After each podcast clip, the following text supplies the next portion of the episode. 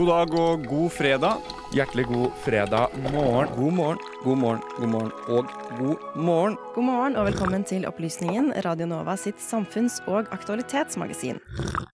Med opplysningen 99,3 på øret, ja, da blir det en god fredagsmorgen. Opplysningen 99,3. Hver fredag fra 10 til 11 på Radio Nova. Er dere på TikTok-gjengen? Ja, jeg, er på TikTok, men jeg legger jo ikke ut noe. Men Nei, men jeg følger du, du, du er sånn på Om scrolleren, jeg liksom? scroller, ja. Det er mange timer. Alexander, er du på TikTok-kjøret? Jeg er ikke så veldig, i innrømme. Men Jeg, har du TikTok? nei. Nei. Så du er, du er ikke på TikTok-kjøret i det hele tatt, med andre ord? nei, jeg er bare sånn innom og ser innimellom. En veldig sjelden gang. Men er det sånn, Venter du da på en måte til det kommer over på Instagram Reels, så ser du det der? Eller Facebook Watch? Eller hvor, hvor enn TikTok-videoer går for å dø? Em, nei, det er kanskje mer bare ting jeg kommer over i nyhetene. Ja. Eh, men Marte, da må jeg stille deg et spørsmål. eh, du som er eh, TikTok-brukeren blant oss. Nei, for så vidt. Uh, har du sett noen TikToker den siste tiden om Altså om eh, Hvordan kan man si det? Eh, hormonfri prevensjon. Ja, jeg har faktisk sett Jeg vet ikke om de reklamerer for det, egentlig, om det er markedsføring.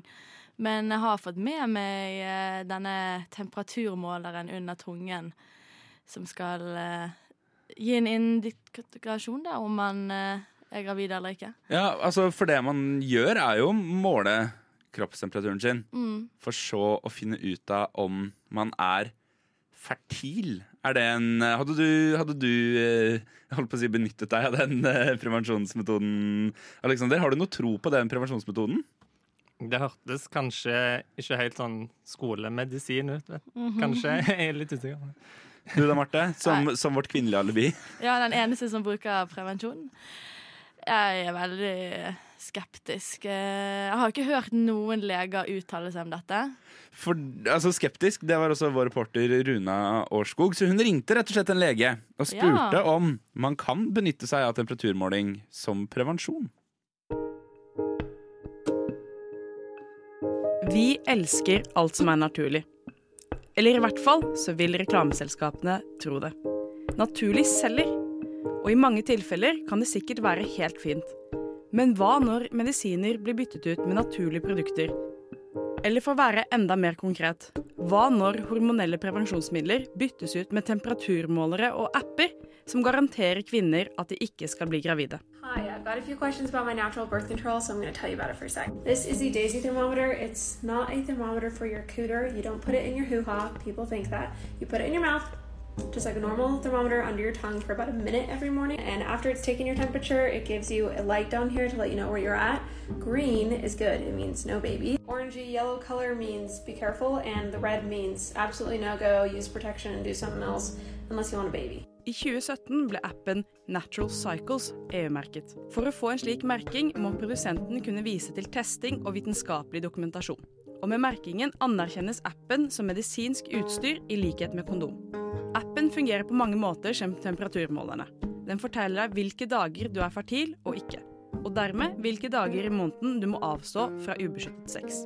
I just started using Natural Cycles about five, six months ago, and I absolutely love it. Natural Cycles is a 100% hormonal free, no side effect natural birth control that I use and that I do every single day. With Natural Cycles, I take my basal temperature every morning and I put it into an app, and that, along with other fertility indicators, gives me a daily fertility status. It's unreal. I det siste har det oppstått en trend på sosiale medier. Med flere millioner likes spres videoer av jenter og kvinner på sosiale medier som har byttet ut hormonelle prevensjonsmidler med temperaturmålere.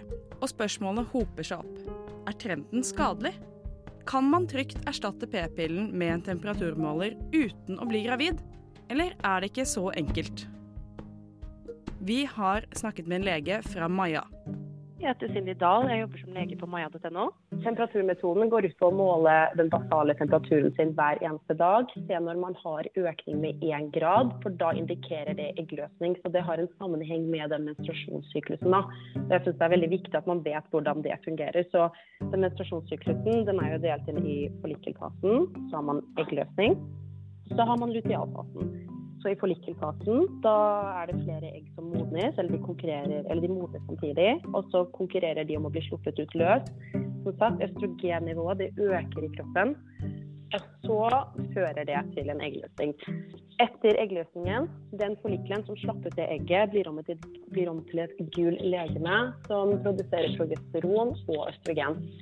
Progesteronet har en effekt på hjernen som øker kroppstemperaturen med omtrent 1 grad. Det er jo teorien da at hvis man måler temperaturen sin hver eneste dag og ser at kroppstemperaturen har økt med én grad, da kan man da gjette at OK, nå går jeg gjennom en eggløsning. Og da det er den dagen, eller de to dagene man kan bli gravid. Så hvis man unngår samleie eller bruker kondom i den perioden her, så unngår man en graviditet. Så det er det temperaturmetoden går ut på. Men er det da bare eh, to dager i løpet av en hel måned hvor kvinner kan bli gravide? Ja, det er det. Eller det er individuelt, men sånn cirka. Eggløsninger varer én til to dager.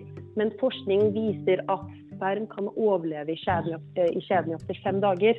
Så eh, i teorien så kan man da bli gravid fem dager før eggløsning og fem dager etter eggløsning. Ja, så selv om du har brukt temperaturmetoden akkurat sånn som du skal, så er det fortsatt en fare for å bli gravid? Ja, også Studier viser at én av fire kvinner, altså 25% som bruker den temperaturmetoden, blir gravide første året. Ja, blant annet så nummer én, du må måle temperaturen din hver eneste dag. Du må gjøre det på samme måte, og du må måle den riktig.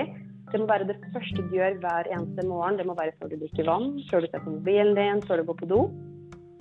Og så er det også sånn at studier har vist at den basale eller den kroppstemperaturen din, det er jo ulike faktorer som påvirker den òg.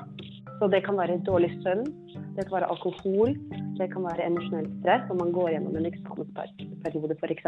Så den er ikke helt sikker. Jeg er glad for at øh, det finnes et alternativ for de kvinnene som har opplevd bivirkninger på hormonell prevensjon eller ikke er fornøyd med prevensjon.